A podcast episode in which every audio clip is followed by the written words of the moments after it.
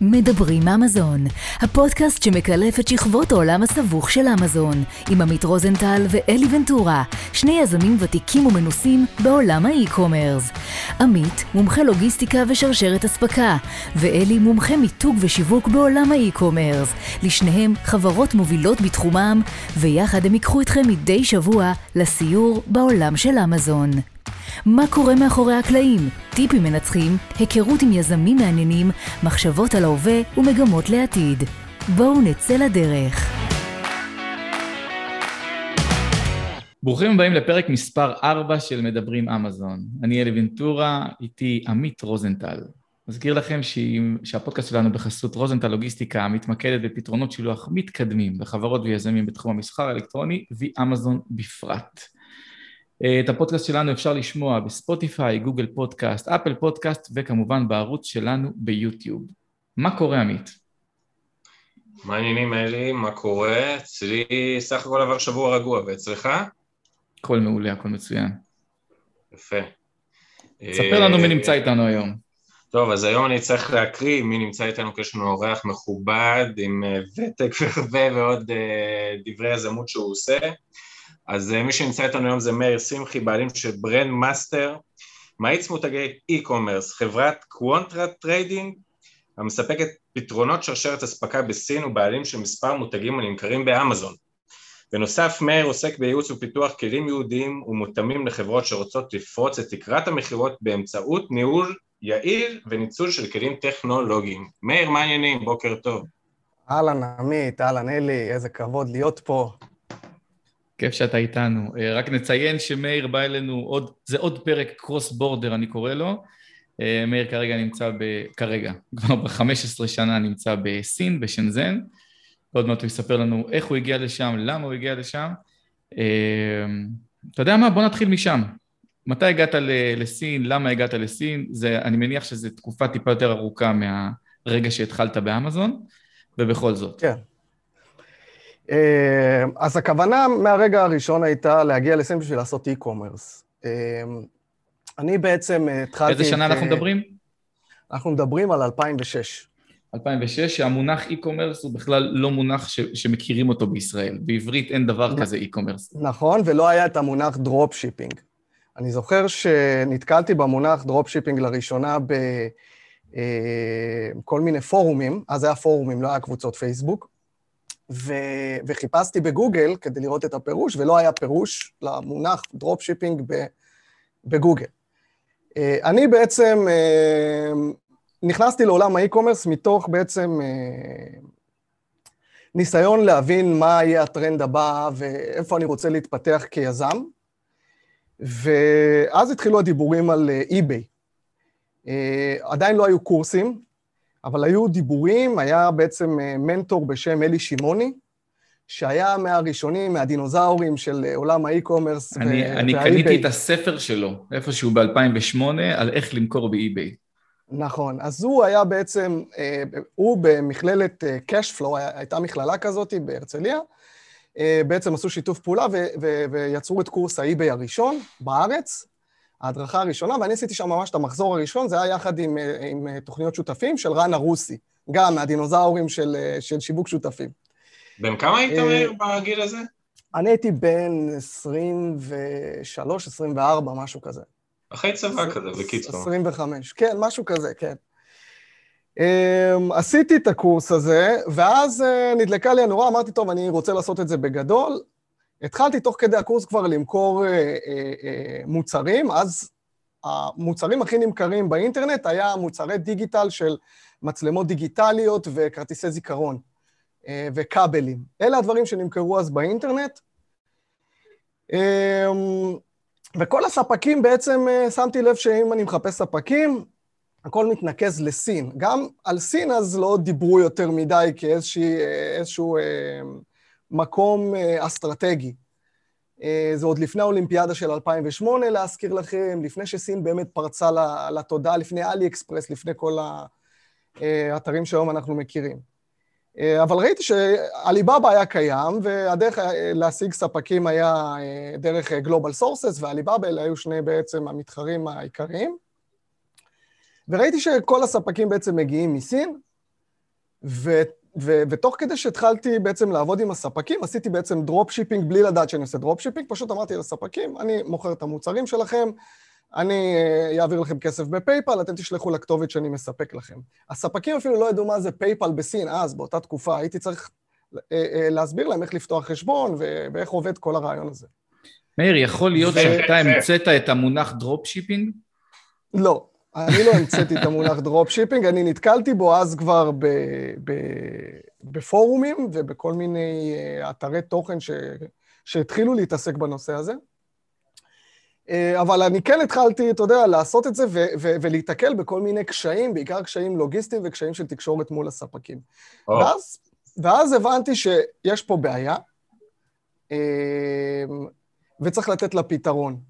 ואמר, ואז ככה צץ במוחי הרעיון לנסוע לסין. אמרתי, אני אסע לסין, ואני אהיה בעצם הפתרון של אנשים כמוני בארץ ובמקומות אחרים בעולם, שזקוקים למישהו אמין, שהם יכולים לסמוך עליו, שיבדוק את המוצרים, שידע מה הוא מוכר להם, שידע מה זה פייפל, ובכלל שיהיה מוכוון e-commerce. כי אז אה, רוב האנשים, אם היית אומר להם e-commerce, היו מסתכלים עליך כמו על איזה חייזר. כשאני הגעתי לסין ואמרתי לאנשים, אני... היו שאלו אותי, מה, מה באת לעשות פה? אה, אז אמרתי להם, e-commerce, אני הולך למכור מוצרים ישירות דרך אתרים וכולי. ואמרו לי, מה, איך, צחקו עליי, איך, איך זה הולך לעבוד? איך אתה הולך לטפל בהחזרות? איך אתה הולך לטפל במשלוחים, משלוח אחד-אחד? לא היו תשתיות אז לדברים האלה. לא היו את החברות שילוח שמתמחות ב e-commerce כמו היום. רוב החברות עסקו ב trading, במסחר אה, מסורתי, בשילוח קונטיינרים, אה, השתמשו אז הרבה במושגים של אה, letter of credits ו- ו- וכל מיני שיטות תשלום ש... היום הן אה, הולכות ונכחדות. אה, ואלה היו בעצם האתגרים הגדולים. אז אני נסעתי בעצם אה, לסין כדי להיות הגשר הזה שמספק את הפתרון לאנשים בדיוק כמוני, שהם בתחילת הדרך, שהם רואים את החזון, רואים מה העתיד צופן, וצריכים את המישהו הזה ב- ב- בסין, ב- על הקרקע, בשטח, שיעזור להם. כלומר, עלית על מטוס לסין, ב, ב, במשימה להיות שם שבועיים, חודש, או אמרת, אני פה כדי להשתקע? אז אני אגיד, זה סיפור מעניין, אני אגיד לך איך זה קרה. Uh, באותו זמן עבדתי באיזושהי חברה מכובדת, uh, ועשיתי שם איזשהו פרויקט שהצליח, כתבו עליו כתבות uh, באתרים המובילים, בוויינט וכולי, אבל לא קיבלתי קרדיט בכלל. אז בעצם הבנתי שאני צריך להיות יזם, אני ראש גדול, ואם אני ראש גדול, עדיף שאני אעשה בשביל עצמי ולא בשביל אנשים אחרים. והבעיה הייתה שהייתי בדיוק אחרי עסק אחר שכשל בארץ. היה לי עסק אה, לשיווק אה, והתקנה של אה, מערכות מתח נמוך, מערכות אזעקה, טלוויזיות במעגל סגור, שפשוט כשל בגלל כל מיני סיבות, גם בגלל חוסר הניסיון שלי. ופשוט לא היה לי כסף. אז מה שעשיתי, אני פשוט נכנסתי לבנק, לקחתי הלוואה של 20 אלף שקל, ביודעין שאני לא הולך להחזיר אותה בטווח הקרוב. זאת אומרת, התשלומים החודשיים הולכים להכניס אותי לאיזשהו מינוס, כשאני לא הולך להחזיר אותו, אבל אמרתי, אני אסע לסין, יעשה הכל בגדול, יעשה הרבה מאוד כסף, ויחזור לארץ ויחזיר את החוב בפעם אחת. אה, אז קיבלתי את ההלוואה של ה-20 אלף שקל, קניתי לפטופ, זה היה בוואלה שופס, זה אחת הרכישות הראשונות שלי באונליין. אה, קניתי כרטיס טיסה, סך הכל נשאר לי אחרי כל ההוצאות האלה איזה 3,000 דולר, עליתי איתם על מטוס של אל על, נחתתי בהונג קונג, ואחרי זה בעצם אה, התמקמתי אה, בשנז'ן, סוג של one way, סוג של אין, אין, אין לי לאן לחזור. למה לא- דווקא בשנזן, דרך אגב, אה, מאיר, כאילו, שנזן זו הייתה עיר שעוד לפני האי-קומרס בכלל לא הכירו בסין, לא היה לה אפילו משמעות כל כך, זאת אומרת, הערים הגדולות. נכון, נכון. זה שנגחאי, אה, בייג'ין, וזה, איך דווקא מצאת עצמך שמה? זו שאלה מצוינת. אמ, מה שקרה זה בעצם, אני, אני עשיתי מחקר, אני אמרתי, בוא נבדוק איפה כדאי להתמקם. ואחד הדברים ש... קודם כל, רוב הספקים שאני עבדתי איתם, שעניינו אותי, אה, היו ספקי אלקטרוניקה. וכבר אז שנג'ן הייתה עיר שמזוהה עם ייצור מוצרי אלקטרוניקה. וסיבה נוספת, קודם כל ראיתי תמונות, כבר היה, היה קצת אה, תמונות של שנג'ן, יכולת לראות את המודרניזציה וכולי, והדבר שהכריע היה הקרבה להונג קונג. כי העניין, אז היה ממש מסובך להוציא ויזה לסין. והיית מקבל ויזה ל-30 יום. אני נסעתי לסין בידיעה שאני כל 30 יום צריך לחדש את הוויזה, ויכול להיות שלא יחדשו לי את הוויזה, וכל העסק, אני משאיר אותו שם, ולא נותנים לי פשוט לחזור לסין. והחידוש של הוויזה היה מצריך בעצם ויזה רן. היית צריך לצאת בעצם להונג קונג, אה, להגיש את המסמכים, לחכות יומיים, ואז אה, לחזור לשנג'ן. תחשוב שאתה כיזם חי עם איזושהי אי-ודאות מאוד גדולה. כי אתה מנסה לבנות פה איזשהו משהו לטווח הרחוק, אבל בעצם אתה אפילו לא יודע אם תקבל את הוויזה הבאה שלך. אז היו המון המון אתגרים, אבל העניין הזה של הקרבה להונג קונג והאוריינטציה עם הונג קונג, שהונג קונג הייתה מאוד חופשית, אה, אה, המון דוברי אנגלית, אנגלית היא שפה רשמית בהונג קונג, אה, וגם העניין של, ה, של הטיסות, זאת אומרת, הייתה טיסה ישירה מישראל, מתל אביב לבייג'ין, ותל אביב להונג קונג. Mm-hmm. אז כל הבחינות האלה בעצם מסתדר לי העניין הזה של שנג'ן, אבל זה היה אחרי איזושהי בדיקה, זאת אומרת, זה לא, אתה יודע, יש לי פה גלו, גלובוס מאחורה, זה לא כן. שאתה יודע, הנחתי איזה מחט ואמרתי, אוקיי, לכאן אני נוסע. בדקתי קצת, אה, במסגרת הכלים שהיו לי, וככה נפלה ההחלטה להתמקם בשנג'ן, וזו החלטה שלא הצטערתי עליה אפילו לרגע, זאת אומרת, בכל, ה, בכל הזמן הזה. אוקיי, אז אתה מגיע לשנזן, אה, בידיעה שאתה כל חודש עושה טיק טק, ומתחיל להקים את העסק שלך. מה אתה עושה? איזה, אה, מה, מהו העסק? מה המטרה של העסק? מה, מה היום-יום שלו? לאתר ספקים או, או, או לתווך? מה אתה עושה שם? אמ, קרו הרבה דברים מאוד מעניינים אה, בדרך, אה, שפחות רלוונטיים, אבל אני, אני אשתף.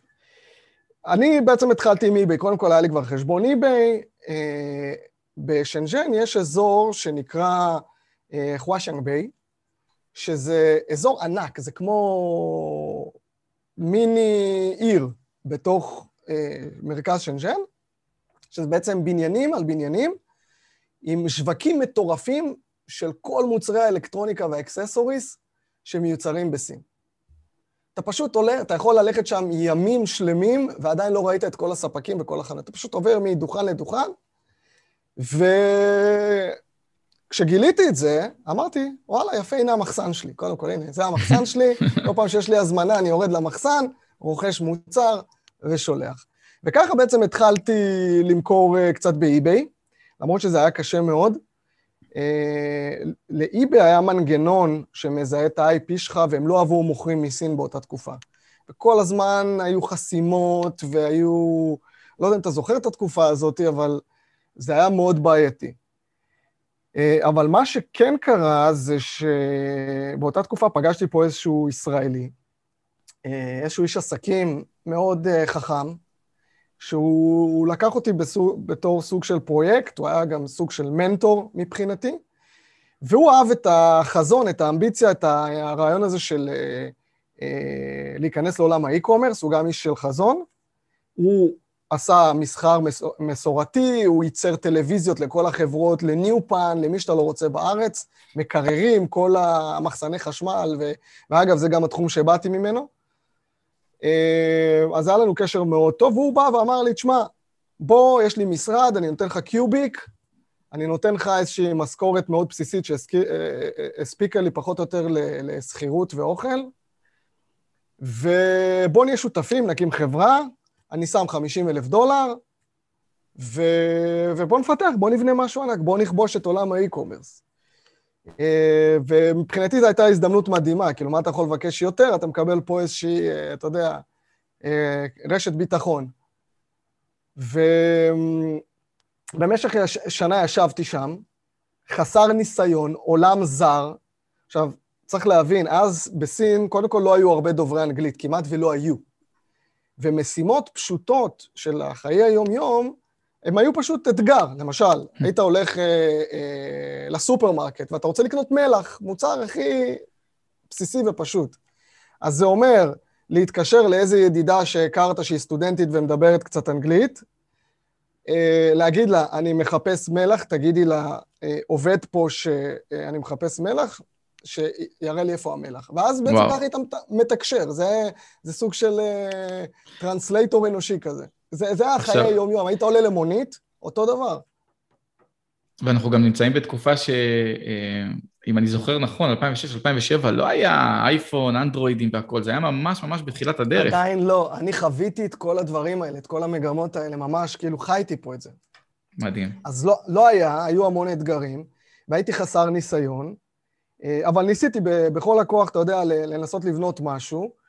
אה, זה לא הצליח איתו, אה, אנחנו עד היום חברים מאוד טובים. אה, זה לא הצליח מכל מיני סיבות, אני פשוט לא קיבלתי מספיק הדרכה ותשומת לב, הייתי חסר אה, ניסיון, אבל גם לא הפסדתי את הכסף. זאת אומרת, אה, בסופו של דבר הצלחתי להחזיר פחות או יותר את, את העלות שלי. אה, אבל אז בשלב מסוים אני קיבלתי החלטה ש... שאני הולך לבד. אני הולך לבד, רגע, גם... עצור, עצור שנייה. אוקיי. אתה כבר שם בסין כמה, חודש, חודשיים? אני בחודש הראשון כבר הכרתי את הבחור הישראלי. יפה, אז אתה חודש-חודשיים שמה, מנסה להריץ את העניינים, לא מבין את השפה, אין לך אייפון לפתוח Google Translate, אתה מסתבך יום-יום, מגיע לך איזה מישהו שאומר, אני אלווה אותך, אני אהיה המנטור, בוא תשב אצלי בקיוביקל, אחרי חודש או אחרי חודשיים, נסגר את הפעילות הזאת כי חוסר הצלחה. לא, שנה. שנה, שנה, יפה. אחרי שנה של פעילות היא, היא נסגרת, כי אתה אומר לא. האם זו הנקודה שאתה אומר לעצמך, אוקיי, ניסינו, לא עובד, בוא נחזור לישראל, בוא נעשה את הדברים שאני מכיר, את, ה, את הספרים, את האלקטרוניקה, הדברים שאני מכיר מהארץ, או, או שאתה אומר, אוקיי, ניסיתי ובוא נמשיך לנסות כי, כי אני רואה פה פוטנציאל. מה עובר לך בראש באותם הימים? אני, קודם כל, אני הגעתי לארץ לביקורים. אז חלק מהסיפור זה, הגעתי לביקור אחד בארץ, ובעצם את ההחלטה לפרוש ולהמשיך לבד קיבלתי אחרי שאותו בחור, אותו איש עסקים, גייס קבוצה של אנשי עסקים מובילים במשק, אה, מנכ"לים, מנכ"ל של הום סנטר, כל מיני אנשים מאוד מאוד חזקים, והביאו אותי למין פגישה כזאת. אני הייתי הילד החוצפן, הכי צעיר, שכולם מבוגרים, אתה יודע, ש... וישבתי שם, היה מישהו אחד שהכיר אותי מהתקופה שעבדתי באותה חברה ועשיתי פרויקט שהצליח, והוא באמת רכש לי כבוד. אבל כל השאר בעצם, אה, מה שהיה זה, זה שהם באו להגן עליו, ובעצם תקפו אותי בהרבה מאוד שאלות, של מה זה e-commerce, איך אתה הולך לעשות את זה, תשמע, זה לא יעבוד, זה לא פה, זה לא שם. הרגשתי שבעצם אין לי את התמיכה כדי להמשיך, אין בהם, זאת אומרת, הוא, הוא מאוד רצה, אבל הוא הביא אנשים שלא באמת הבינו, ומבחינתם יש פה איש עסקים עם הרבה מאוד כסף, והם הלכו לכל מיני פרויקטים של גגות סולאריים, שאז התחיל להתפתח, זה היה ממש בחיתולים, אז הם היו החלוצים, הם היו הראשונים שבנו גגות סולאריים ב- בישראל. אז היו כל מיני פרויקטים מאוד גדולים. עכשיו, אני מהצד שמעתי וראיתי גם איך הדברים האלה קורים. קרו דברים מדהימים. זה בן אדם, אני אתן לך איזשהו סיפור, שבוקר אחד הוא מתעורר, והוא מחליט שהוא עושה מיליון דולר השבוע. ככה.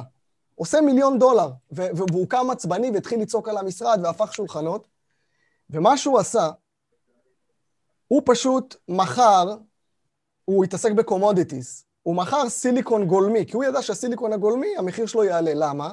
באותה תקופה התחילו לייצר את ה-Disk on Key, את הכרטיסי זיכרון, Disk on Key, וגם הפאנלים הסולאריים.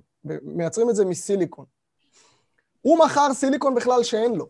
הוא מכר איזה עשר טון סיליקון לפי איזה מחיר של 300 ומשהו דולר. הוא מצא איזה קונה בטיוואן, טיוואן היה אז, היו המובילים בייצור טכנולוגיות מהסוג הזה, והוא קם משוגע באותו בוקר, אני אומר לך, אותו שבוע הפך את המשרד, מכר את, את הסחורה, ועכשיו הוא היה צריך לספק אותה. הוא שלח איזה בחור ישראלי מהארץ לגרמניה למפעל של פיליפס, שהיה להם אה, אה, אה, את החומר גלם הזה, הם נתנו שם שוחד, 7,000 דולר, אני זוכר את הסיפורים. קנו את זה ב-120 דולר לקילו, והם מכרו ב-300 ומשהו דולר לקילו. מדהים. והוא עשה ככה מיליון דולר אה, באותו שבוע. זה היה, ואז היה אופוריה והיה מטורף. אז אני חוויתי את כל הדברים האלה בתור ילד, שלפני זה בא מאיזה עסק אה, קטן של, אתה יודע, סטייל שיפוצניק, אה, ורואה את כל הדברים האלה, ואז גם, אתה יודע, מצד אחד זה הביא לי הרבה מאוד תיאבון, אה, והרצון הזה לפרוץ. אז כן, אחרי שהייתה הישיבה הזאת בארץ, אמרתי, אוקיי, אני, אני עכשיו יוצא לבד לדרך, לא משנה שאני בנקודת האפס עדיין, ובינתיים החובות עדיין הצטברו בבנק, עדיין לא החזרתי את ההלוואה בשלב הזה, אה, וזה התחיל להלחיץ אותי. אה, אבל אמרתי, זהו, מפה כאילו זה עם הגב לקיר, ו-all in. מה אתה עושה עכשיו? זאת אומרת, אה, אתה עכשיו החלטת שאתה יזם עצמאי, החלטת שאתה נשאר בסין, מה השלב הבא? אנחנו מפתחים את אי-ביי? לא. השלב הבא, אני נכנסתי למשבצת של בעצם ספק שירות. בוא נשים את זה רגע רק על timeline, איזה שנה אנחנו מדברים? 2009, 2010? פחות או יותר, כן. פחות או יותר... הביקור הראשון שלי בסין היה בסוף 2006, וב-2007, בנובמבר 2007, אני עשיתי את הטיסה הזאת שלקחתי את ההלוואה והתמקמתי שם. אה, ב-2006 זה היה טיסת גישוש כזאת של שבועיים. אה, אז בערך אה, שנה, שנה וקצת אחרי, אני מוצא את עצמי לבד, בלי כסף, בלי שום דבר. אה, ואז בעצם אני צריך להתחיל למצוא דרכים לעשות כסף. התחלתי להיות פעיל בכל מיני פורומים. אז היה פורום אי-ביי בתפוז, והיה פורום אי-ביי בוויינט. היה פעם בוויינט פורום. איזה עתיק זה כן. תפוז. כן. נכון, נכון. כל הדינוזאורים התחילו שם. מהתחום. אז, אז uh, התחלתי פשוט uh,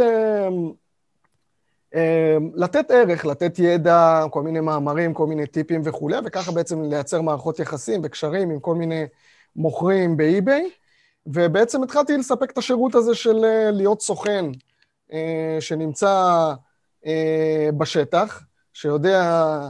אה, לגשת למחסן הזה, התמקדתי במחסן הזה אה, בחואשנג ביי, ולאתר מוצרים ובעצם אה, לשלוח אותם מסין ישירות ללקוחות של הלקוחות שלי, לקונים של הלקוחות שלי.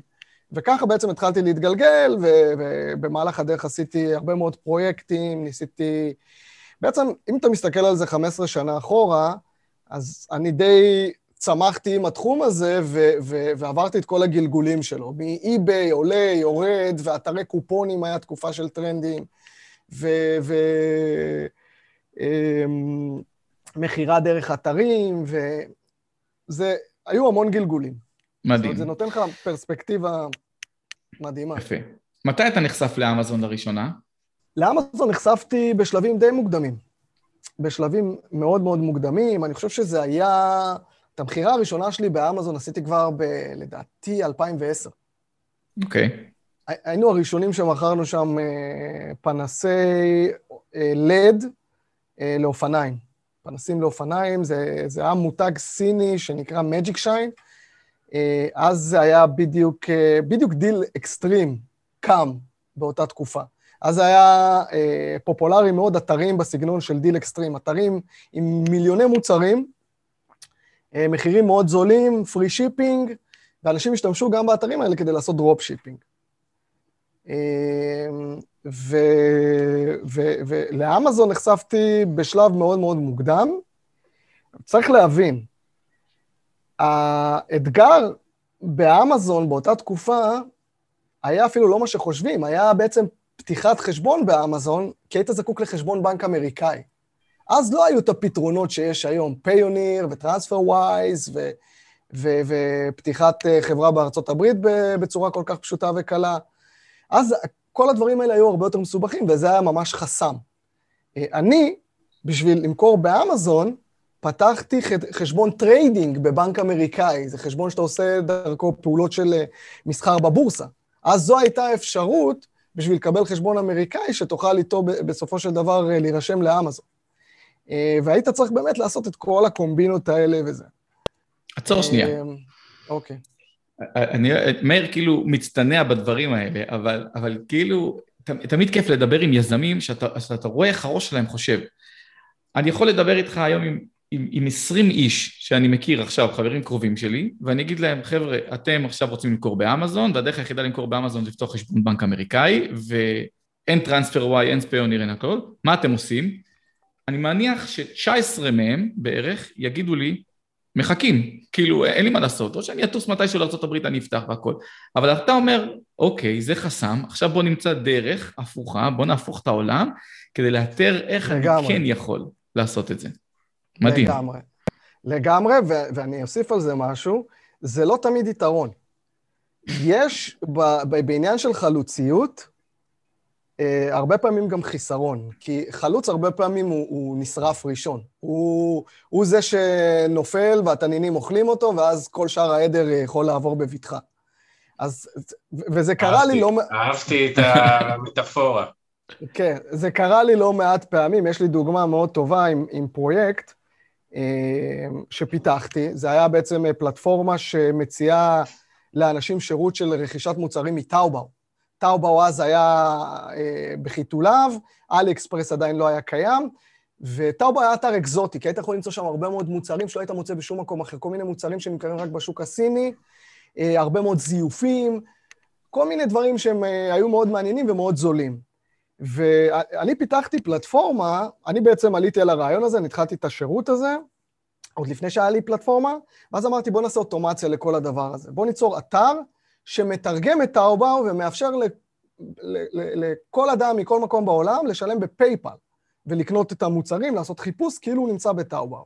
מדהים. והפרויקט הזה, בעצם אה, היינו צריכים להשתמש ב-API של טאובאו על מנת בעצם אה, לייבא את כל ה-data של 800 מיליון מוצרים, לתרגם את זה, לתרגם את זה דרך ה-API אה, של Google Translate, ואז בעצם להציג את זה באתר שמתפקד עם performance וכמו שצריך ועם חוויית אה, משתמש וכולי. ולא היה, לא היה את הדבר הזה כשאני פיתחתי את זה. אמ, ונכנסתי לפיתוח, נכנסתי לתחום הזה של להתחיל אה, לשכור מתכנתים, לאפיין, ומצאתי את עצמי שבעה חודשים בפרויקט סופר מתיש. עכשיו צריך להבין, ה-SDK, Software Development אה, Kit של, אה, של טאובאו, היה כולו בסינית. זאת אומרת, גם המתכנתים ששכרתי, הם היו צריכים, הם היו מהודו. הם היו צריכים לתרגם את, ה, את ה, כל ה-instructions וה-documentation של טאובאו מסינית לאנגלית, ועל פי זה לבנות את האתר על פי הדרישות שלי. זה היה, זה היה אתגר מטורף, אבל עשינו את זה. אחרי שבעה חודשים, זה, זה אתר שעבד ארבע שנים, אה, עשיתי שם קפיצה, מבחינה פיננסית וכולי. אבל העניין של החלוציות, אני מגיע אליו. אה, אני הייתי חלוץ, ובגלל שזה לא היה קיים, ואמרתי, אני הראשון שיעשה את זה, השקעתי שבעה חודשים, השקעתי לא מעט כסף, לא מעט אנרגיה, מאמץ, וקצת אחרי, בערך חצי שנה אחרי שכבר יצאתי עם הפרויקט הזה, קמה חברה של מתכנתים, שזה בעצם המקצוע שלהם ברוסיה, שהיא בנתה מוצר דומה, ומכרה אותו כמוצר מדף. זאת אומרת, ב-2,000 דולר היית יכול לקנות כבר את הדבר הזה מוכן, ויום למחרת היה לך את כל האתר הזה. ו- ו- ו- ומלא אנשים התחילו פשוט לעשות את זה ולהקים את האתרים האלה. מדהים. אז אמרתי לעצמי, הלוואי שהייתי מאחר בחצי שנה, כי, כי מבחינתי כל העניין של הפיתוח זה היה אילוץ. אתה יודע, אז uh, להיות חלוץ ולהקדים את זמנך, הרבה פעמים יכול להיות גם... Uh, מדהים. אתה יודע, לעבוד נגדך. בוא נחזור לאמזון. בכל זאת, okay. אוקיי. ש, שם הפודקאסט הוא מדברים אמזון, אז אנחנו צריכים uh, להצדיק את...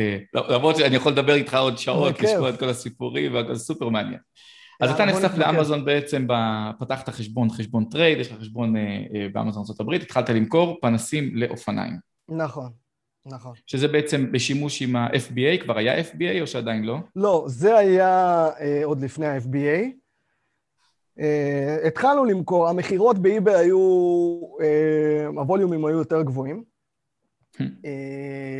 זה נשמע כאילו unreal, אתה יודע, כן. ביום. איפה איביי ואיפה אמזון היום. נכון, נכון. אבל הווליומים באמת באיביי היו יותר גבוהים. באיביי גם היית מקבל מכירות מכל העולם, ובעקבות המכירות האלה גם היית מקבל מכירות סיטונאיות. אמ, באמזון המרג'ינים היו יותר גבוהים. זאת אומרת, היית יכול למכור את המוצרים במחירים קצת יותר גבוהים, אמזון תמיד עניין אותי, אמזון תמיד היה אתר שאם הייתי עושה למשל מחקר מוצרים או לבדוק מה קורה בשוק, אה, הייתי מסתכל באמזון, אבל זה היה סוג של אה, אה, חיה לא מפוענחת.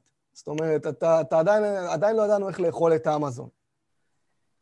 אז הפעילות שם היא הייתה ממש ממש זניחה. ממש. אוקיי, okay, מתי... קפצת? איך קפצת כאילו לפעילות ענפה באמזון, ומתי זה קרה? זה קרה ב-2014. מה, מה שהיה זה בעצם, אה, היו לי כבר כמה פרויקטים, היה לי כבר עסק די מבוסס אז, אה, ואז אה, היה בעצם שילוב של הנושא של ה-FBA. אז, אוקיי, בוא, בוא, בוא, בוא נלך לאתגרים שהיו. אחד האתגרים היה סקלביליות בביזנס הזה בגלל העניין של שרשרת, שרשרת האספקה ועניין של שילוחים. מצד אחד עדיין לא היו תשתיות עדיין כמו שיש היום, של אפילו נגיד אה, לשלוח אה, מסין אה, בבודדים. אז, ומצד שני, הדרישות של הלקוחות, וכל הנושא של הפידבקים, ו, וכל הנושא של, ה, של התפעול סביב הדברים האלה, התחילו לעלות. זאת אומרת, כבר אז התחלת לראות שאנשים לא מרוצים אם הם מקבלים את המוצר שלהם אחרי 30 יום. פעם זה היה, אגב, זה היה סוג של סטנדרט. היית קונה מוצר באינטרנט, מחכה 30 יום, לפעמים 45 יום, היית מקבל אותו, משאיר פידבק חיובי, וכולם שמחים. כן, אמ-, אמזון אה, הרימה את הרף איפשהו אה, במדיניות של ג'ף בזוס אה, כבר בתחילת 2000, שהוא רצה נכון. לקדם את, אז... ה, את השילוח המהיר. נכון, אז זה היה תהליך. אז זה היה בעצם תהליך. אז אני התחלתי לעבוד כבר אז, כבר ב-2013 התחלתי לעבוד ב-FBA. Okay. אוקיי. התחלתי לעבוד ב-FBA, היינו שולחים כמויות קטנות של כל מיני מוצרים גנריים, וזה היה מדהים, כי פתאום אני, אני לא צריך לעטוף מוצרים. עכשיו, היו לי עובדים כמובן, והיה לנו, אתה יודע, משרד ו- וכל מה שצריך. אבל היו תקופות שאני הייתי אורז מוצרים בעצמי, והייתי עובד עם חגורת גב, בשביל לא לשבור את ה... ועם הסלוטפ, תשמע, קילומטרים של סלוטפ. אה, הכתום הזה, שכולם מכירים.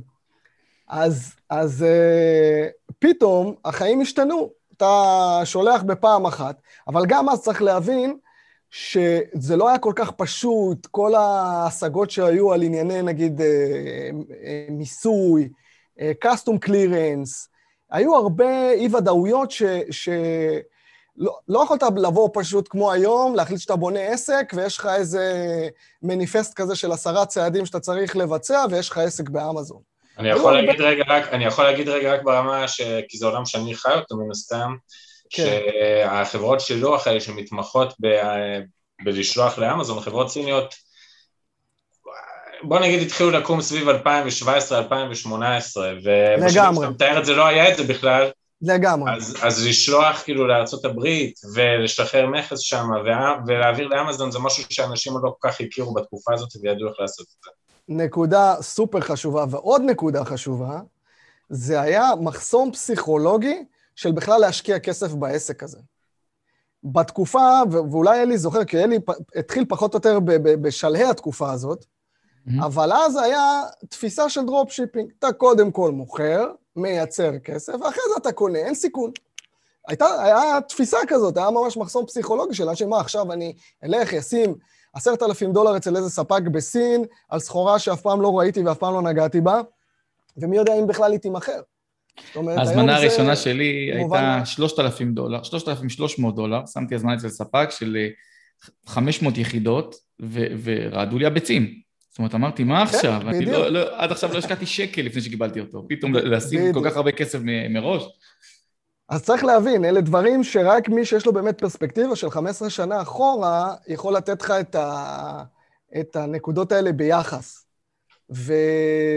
ו... וזה מה שהיה. אז פתאום עולם חדש. התחלנו למכור, לעבוד עם המחסנים של אמזון, פתאום זה סקלבילי, פתאום אתה מוכר ושלחת פעם אחת, ואז זהו. פשוט המכירות אה, קורות מאליהן. אבל אז עוד אנשים תפסו את הפרינציפ, והתחיל להיות העניין של ה... של ה... פשוט לגנוב את ה-buy box. ו-race to the bottom, זאת אומרת, אנשים נלחמו על המחיר, ואז גם כלומר, זה יצר... רגע, אני אעשה, אני אעשה פה איזה, איזה הקשר.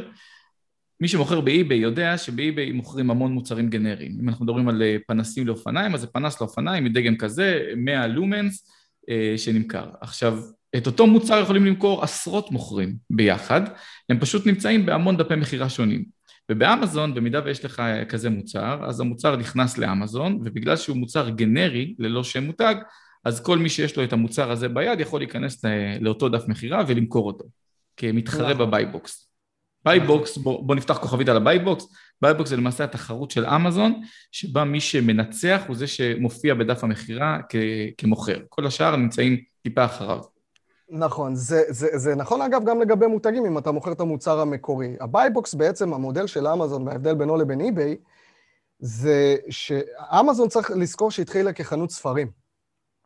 Mm-hmm. ובשבילו לייצר דף מכירה עם אה, עשרות אה, תוצאות חיפוש של מוכרים שמוכרים את אותו מוצר בדיוק, אמזון יצרה בעצם את המודל הזה של Buy Box, שבו בעצם יש דף מכירה אחד, אתה משתמש ב-UPC, שזה ה-UPC, זה ה-identifier המקורי של המוצר, ואז בעצם הם מרכזים ככה את, ה, את כל המוכרים באותו דף, ומייצרים ביניהם איזושהי תחרות.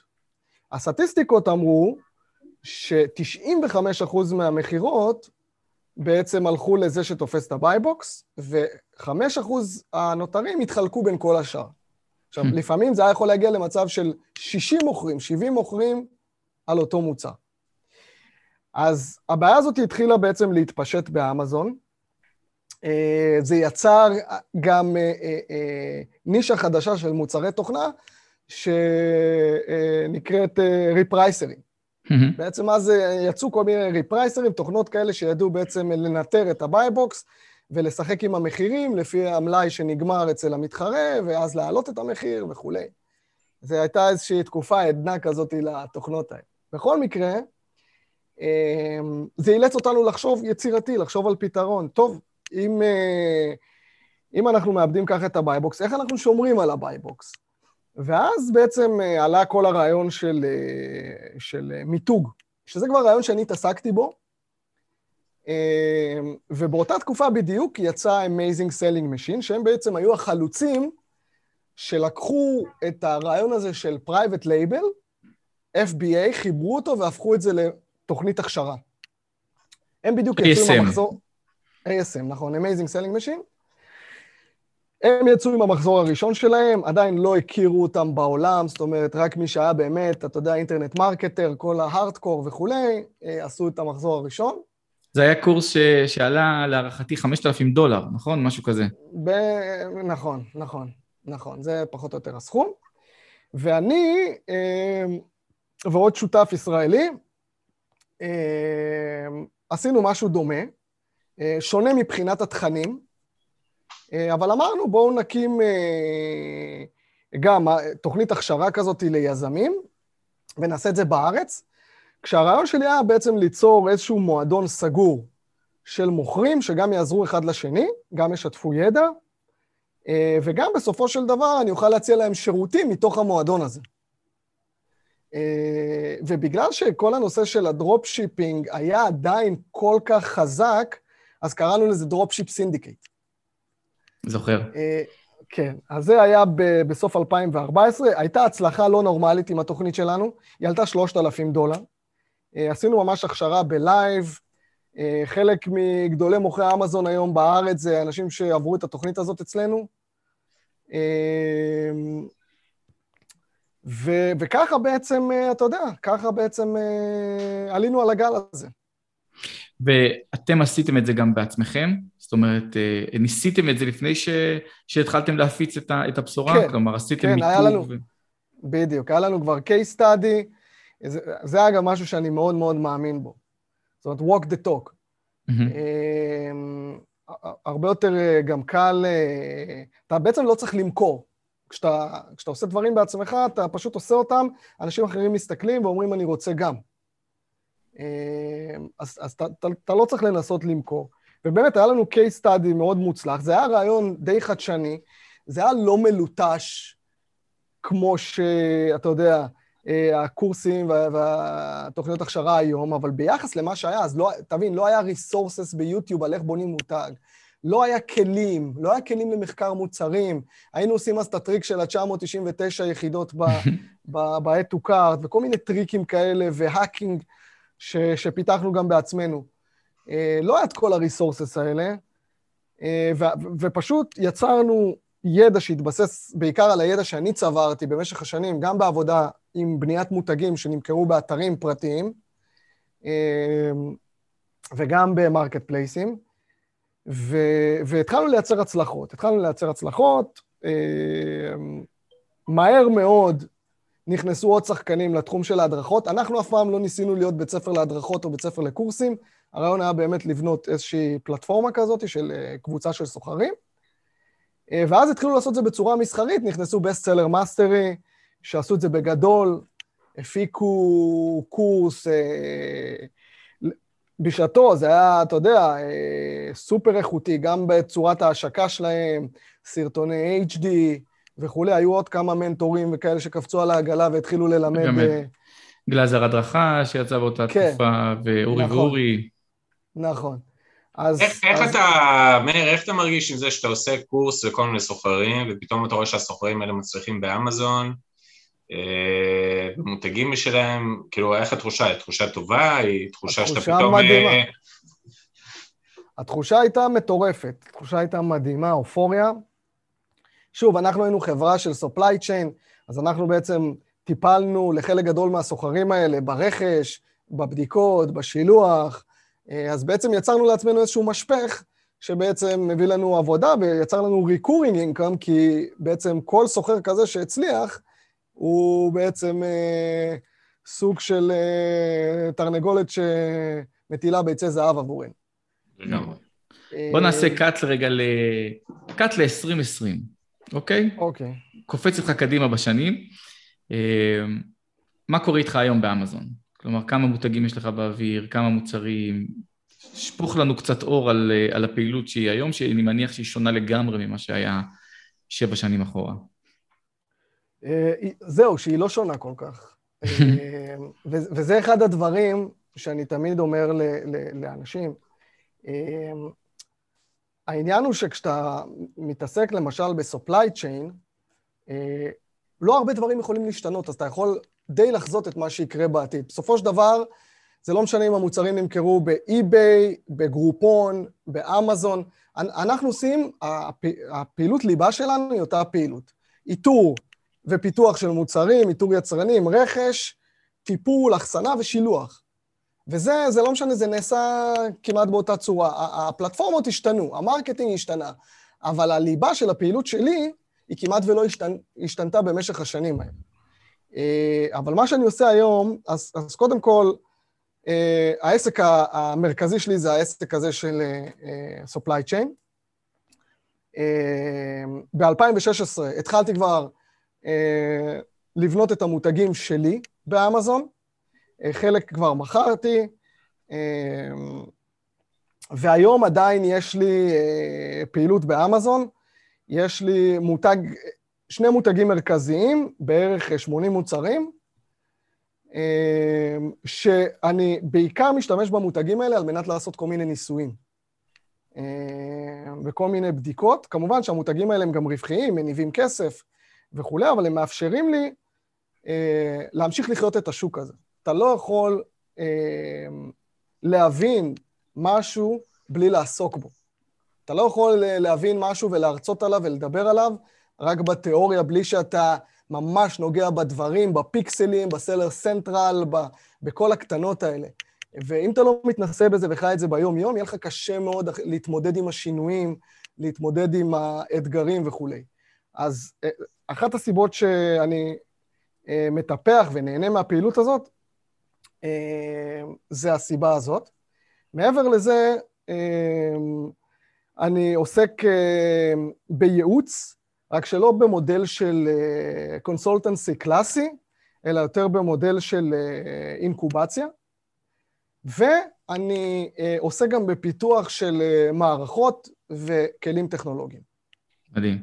עכשיו, בתור אחד שחי את עולם ה e-commerce אה, ונושם אותו ועושה אותו הלכה למעשה כבר, אה, בוא, אחד האנשים שאני מכיר שעושים את זה בתקופה הכי ארוכה שיש, אם הייתי אומר לך לחזות אה, שנתיים, שלוש קדימה, לאן הולך עולם ה e-commerce? marketplace ים, אתרי e-commerce עצמאיים, איפה היית מכוון ככה את, ה, את החץ וקשת? לאן, לאן אתה יורה היום?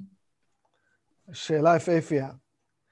אמ, קודם כל, יש שילוב של marketplace ים ואתרים, אבל העניין של המיתוג ילך ויהיה עמוק יותר, עם דגש על אה, חוויה פרסונלית. כל mm. העניין הזה של לייצר חוויה, זה בסופו של דבר יהיה המוצר. אתה נותן לבן אדם לחוות, הבן אדם רוצה לבוא ולרכוש את החוויה הזאת, הוא רוצה לחוות אותה שוב, והוא יהיה מוכן לשלם עליה. והשינוי שאנחנו רואים, זה בא לידי ביטוי בטכנולוגיה ובעיצוב של אתרים שכבר לא נראים כמו איזשהו קטלוג ענק של הרבה מאוד מוצרים, שאתה הולך ובוחר מוצרים ומוסיף אותם לסל ועובר את השלבים האלה עד לצ'קאוט, אלא יותר כמשהו שמותאם אישי, של, ש, אישית, שלוקח אותך דרך איזשהו משפך ושלבים עם עיצוב שמייצר לך חוויה ייחודית לאותו מותג, לאותו מוצר וכולי. ו, ושם יהיה בעצם הפיתוח המרכזי. אגב, אפילו אמזון עושים את, ה, נכון. את, את, את ההתכווננות הזאת עם Amazon Post וה following וה store, נכון. כל ה-customer engagement. אין להם ברירה, אין להם ברירה, כן. מדהים.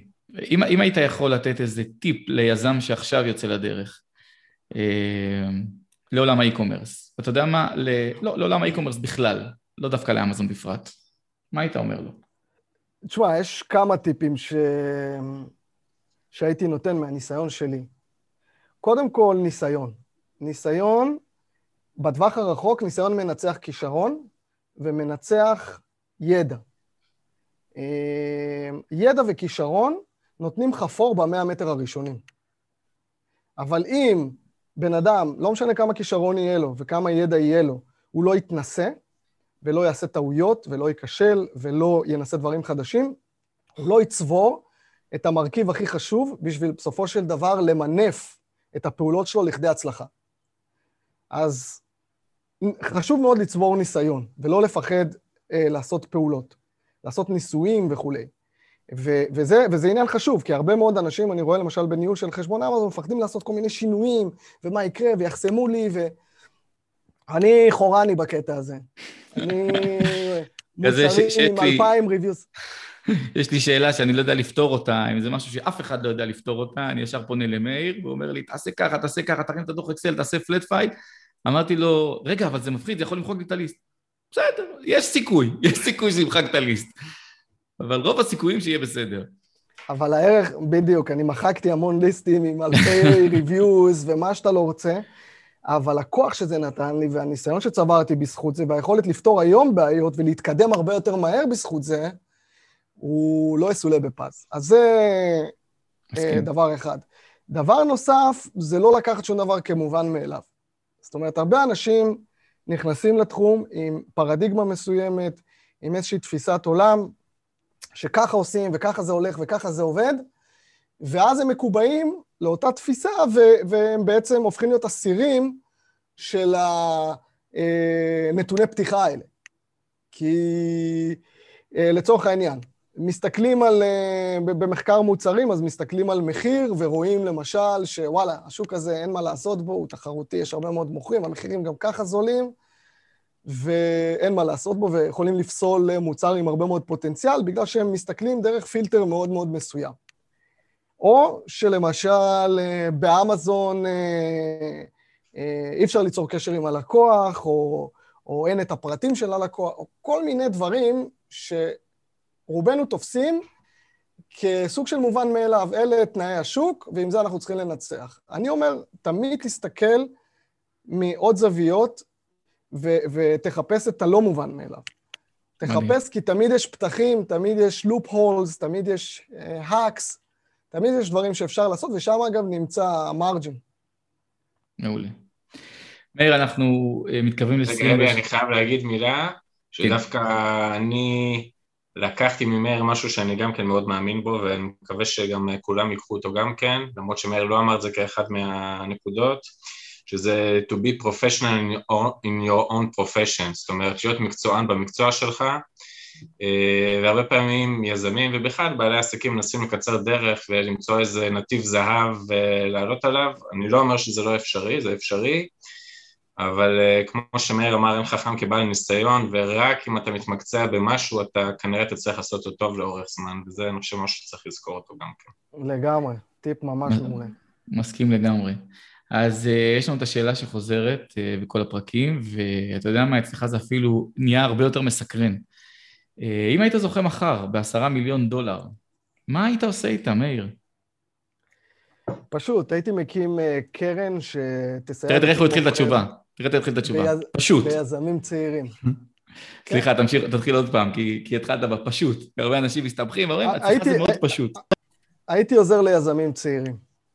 אני מסתכל וואלה. על עצמי 20 שנה אחורה, ומה אני הייתי זקוק לו, ואני מאוד מאמין ביזמות כ, כדרך חיים.